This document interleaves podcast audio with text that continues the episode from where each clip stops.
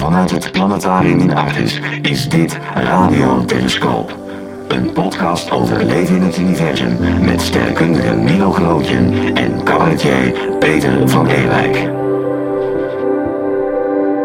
Ja, welkom bij Radio Telescoop aflevering 2.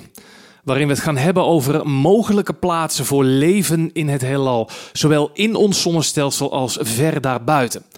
Maar uiteraard eerst. van de Oftewel een plaats in de ruimte of een sterrenkundig object dat aansluit bij het onderwerp van deze aflevering. Milo, Daar komt hij hoor. Oumuamua. kijk. Ja, dat is eh Hawaiiaans voor reiziger van ver. En dat hebben, eh, werd in Nederland werd dat wat anders vertaald in de, in de pers. Daar, daar werd ervan gemaakt. De ruimtekomkommer of de ruimtesigaar. Een sigaar of naaldvormige ruimtesonde eh, zou het meest geschikt zijn voor interstellaire reizen. Komt ook uit de wetenschap. En dat was wel heel bijzonder, want die Oumuamua, die kwam niet uit ons zonnestelsel, die kwam uit een ander zonnestelsel. En daarom vond ik dat wel een hele interessante. Eh, inmiddels zijn er meer van dat soort objecten gevonden die eh, ergens in een ander zonnestelsel door een van de planeten in zo'n zonnestelsel een flinke set heeft eh, gekregen en in de interstellaire ruimte werd geworpen en uiteindelijk door onze zon werd, werd opgepikt. Eh, en daar weer ook weer werd uitgeslingerd. Dat doet Jupiter bij ons bijvoorbeeld ook. Eh, die, eh, die pakt ook wel eens kleine brokstukken en die geeft ze een zwieper en die gaan dan ons zonnestelsel uit. Maar deze was wel heel erg interessant, want die komt van buiten ons zonnestelsel. En dan zijn er al snel speculaties natuurlijk over. Sterker nog, omdat hij zich op een gegeven moment leek hij ontzettend snel te versnellen. En hoe kwam dat? Was dat een, een, een ruimtemotor? En uh, nou ja, goed, uh, als dat gebeurt bij objecten, dan moet er iets te zien zijn van een komeet waarbij waardoor er uh, een extra vaartje aan wordt gegeven als hij langs de zon gaat. Maar dat was hier allemaal niet het geval. Dus ze wisten het gewoon niet, uh, niet zo goed. En dat maakt dit object heel erg interessant. Een soort astronomische UFO. Je zou het heel snel een vliegende schotel willen noemen. Het is een vliegende komkommer. Dus... Ja, maar je weet gewoon een, een identified flying object. Je weet gewoon niet zo goed wat het is. En daar is toen heel veel uh, onderzoek naar gedaan. Maar het is dus een reiziger van ver die uh, een brokstuk uit een ander uh, zonnestelsel dat uh, bij ons op bezoek kwam. En wat daar ook bij hielp is dat het zo'n mysterieus object was. Is dat stelletje wetenschappers gingen op zoek naar of dat, uh, of dat uh, object misschien radiosignalen zou uitzonden. Is allemaal niet gevonden. Oh. Maar uh, nou goed, uh, we hadden in ieder geval een keer een bezoeker van een van onze buren. Welke buren weten we niet precies, maar... Ik, ja. ik, ik, ik, Oumuamua. ja, ik moest, was in 2017. Ik moest toen enorm denken aan Starship Troopers van Paul Verhoeven, die film. Uh, ik weet niet of je hem ooit gezien hebt, toevallig. Glenn Datu was die, ja. ja. En er werd een, te leven. werd een, eh, een bug meteor, uh, dus ja. een, een, een, meteor werd van, van een, andere, een anders uh, zonnestelsel werd afgeschoten. Heeft toen heel Buenos Aires in as gelegd. En dat was de reden van de grote oorlog tegen de, wat was dat, spinachtige wezens... Dus ja, uh, op het moment dat uh, die uh, Oumuamua binnenkwam, dacht ik, oh nou, de intergalactische oorlog staat echt, staat echt op uitbarsten. ja. Dus, ja, het waren geen, inderdaad geen, geen insecten, het was een komkommer. Dus ja. Ja, heel helder. Ehm, maar de vraag blijft natuurlijk, hoe zit het dan in ons zonnestelsel? we weten, er is leven op aarde. Of dat intelligent leven is, dat is even een hele andere discussie.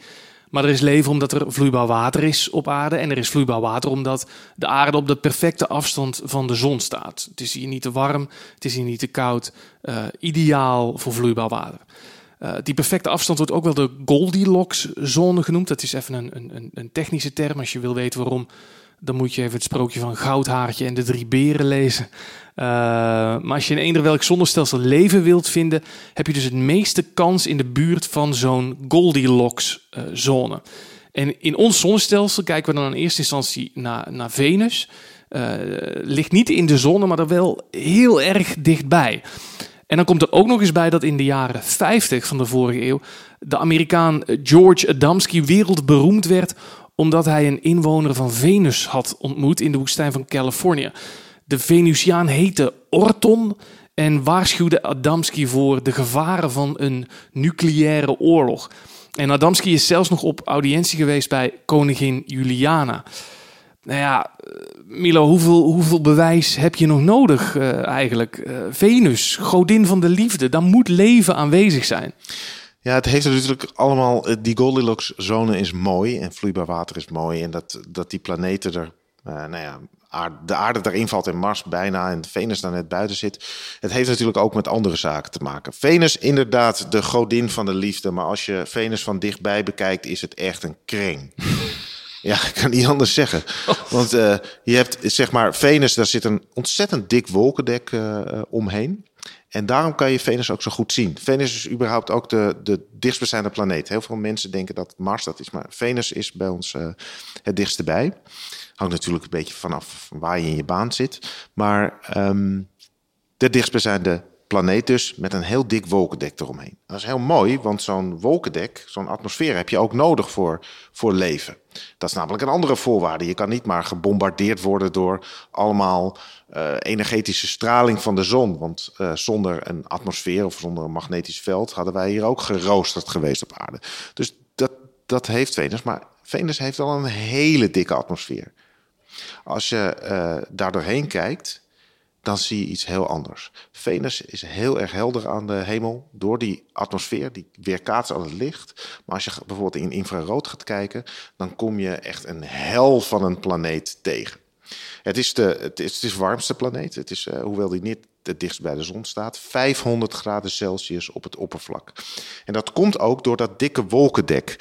De, de, de zonnestraling, de warmte komt er wel doorheen, maar kan er niet meer uit. Het is een gigantisch uit de hand gelopen broeikaseffect op, uh, op Venus. Dus het, het is heel erg heet.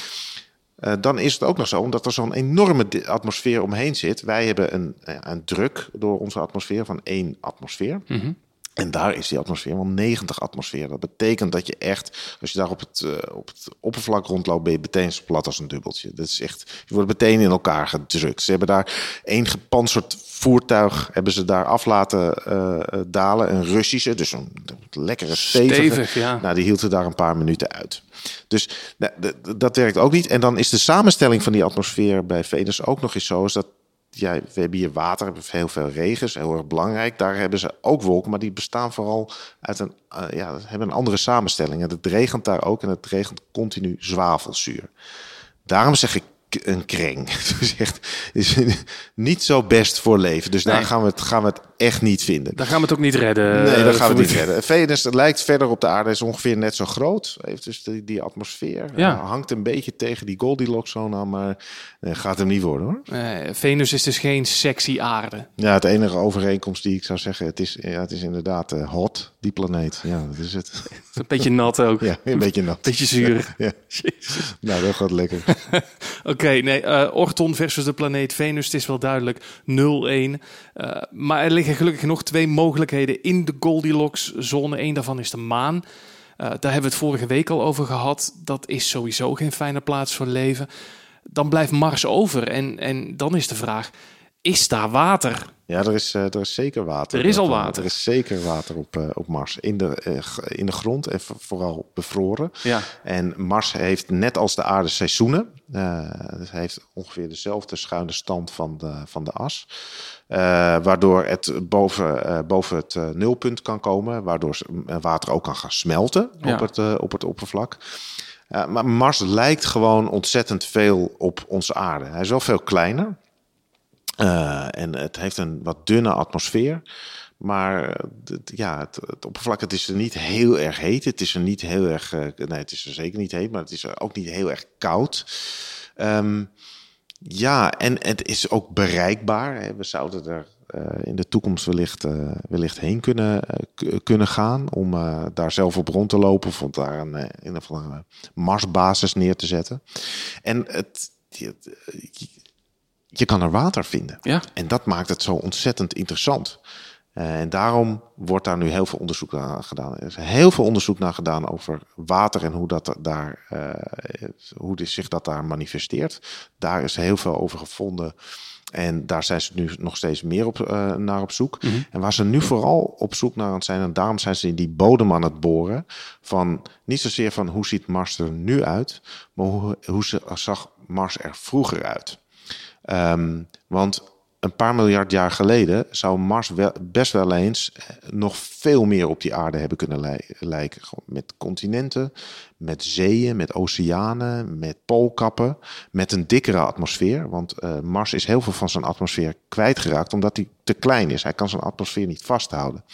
De aarde kan dat wel, die is groot, uh, die is groot genoeg. Maar dat betekent niet dat er in een ver verleden niet gewoon al lang leven op zou, zou zijn geweest en dat dat eigenlijk nu is uitgestorven. En ehm, dat, dat is heel interessant, want op die manier kan je dus ook nog eens leven vinden. Niet zozeer dat het er nu is, maar dat je hele duidelijke tekenen ziet, is dat het er ooit is, uh, is geweest. Ja. ja. Dus ja, wel een, een, een, een, een, in ieder geval een goede planeet om te blijven zoeken en, en uh, net zo lang door te gaan totdat we er eens een skelet boven trekken. Of een, of... ja, ze hebben ooit een steen gevonden, dat was ergens in de jaren negentig geloof ik, die heette de ALH 84001. Ja, fantastisch. Wat een goede naam. En, en, daar is heel veel speculatie over geweest of ze daar niet een soort fossiele zagen van uh, microbiële leven. Die heeft heel lang doorgaan en ze kwamen er uiteindelijk op neer van nee, dat is niet zo. Nee, nee, nee. Dus, dus wel een, een hele veelbelovende planeet, maar vooralsnog geen leven. Um, uh, betekent dat dan dat we, omdat we, we zijn nu de Goldilocks-zone inmiddels uit, geen andere planeten, zijn we dan klaar in ons zonnestelsel als het gaat over zoeken naar buitenaards leven? Nou, buiten het feit is dat, je, dat we, als we naar de aarde kijken, dan zien we dat leven dus op heel veel plekken is waar we het niet verwachten. Hè? Dus we gaan, als je op, naar leven op zoek gaat, gaan wetenschappers vooral kijken naar plekken waarvan we denken: oké, nou, dan kunnen wij ook wel, uh, wel, wel leven. Uh, hoewel dat, die, die, dat, dat spectrum is veel breder. Mm -hmm. Maar inderdaad, buiten die Goldilocks-zone wordt het voor ons moeilijker voorstelbaar. De, de, omstandigheden die we op aarde zien zijn minder makkelijk ergens anders te vinden. Dus je zou inderdaad kunnen zeggen: ja, na Mars houdt het toch echt wel op. Totdat men goed ging kijken naar andere plekken, vooral rond uh, de gasreuzen die we hebben. Jupiter, Saturnus. Saturnus. Ja. Uh, enorme planeten. Hè? Als je Jupiter bekijkt, dan kan de aarde wel duizend keer in. Dus een enorme planeet met een enorme zwaartekracht ook. En uh, toen gingen wetenschappers eens even nadenken van ja, maar wacht eens even. Um, kan er nou niet op een andere manier ergens warmte aanwezig zijn? Want ze zagen daar al eigenlijk al een beetje de tekenen van.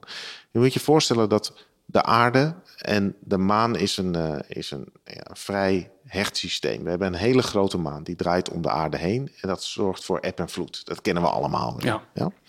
Dus die aarde die trekt een beetje aan die maan. Want de aarde heeft een bepaalde zwaartekracht en die maan die beweegt daar omheen. En uh, die maan die trekt ook een beetje aan die aarde en dat zien we aan eb en vloed. En uh, daardoor, uh, als, daar, als die een beetje trekken, wordt er een soort wrijving, komt daarbij vrij. En wrijving betekent warmte. Nu gaan we eens even kijken bij die, bij die gasreuzen.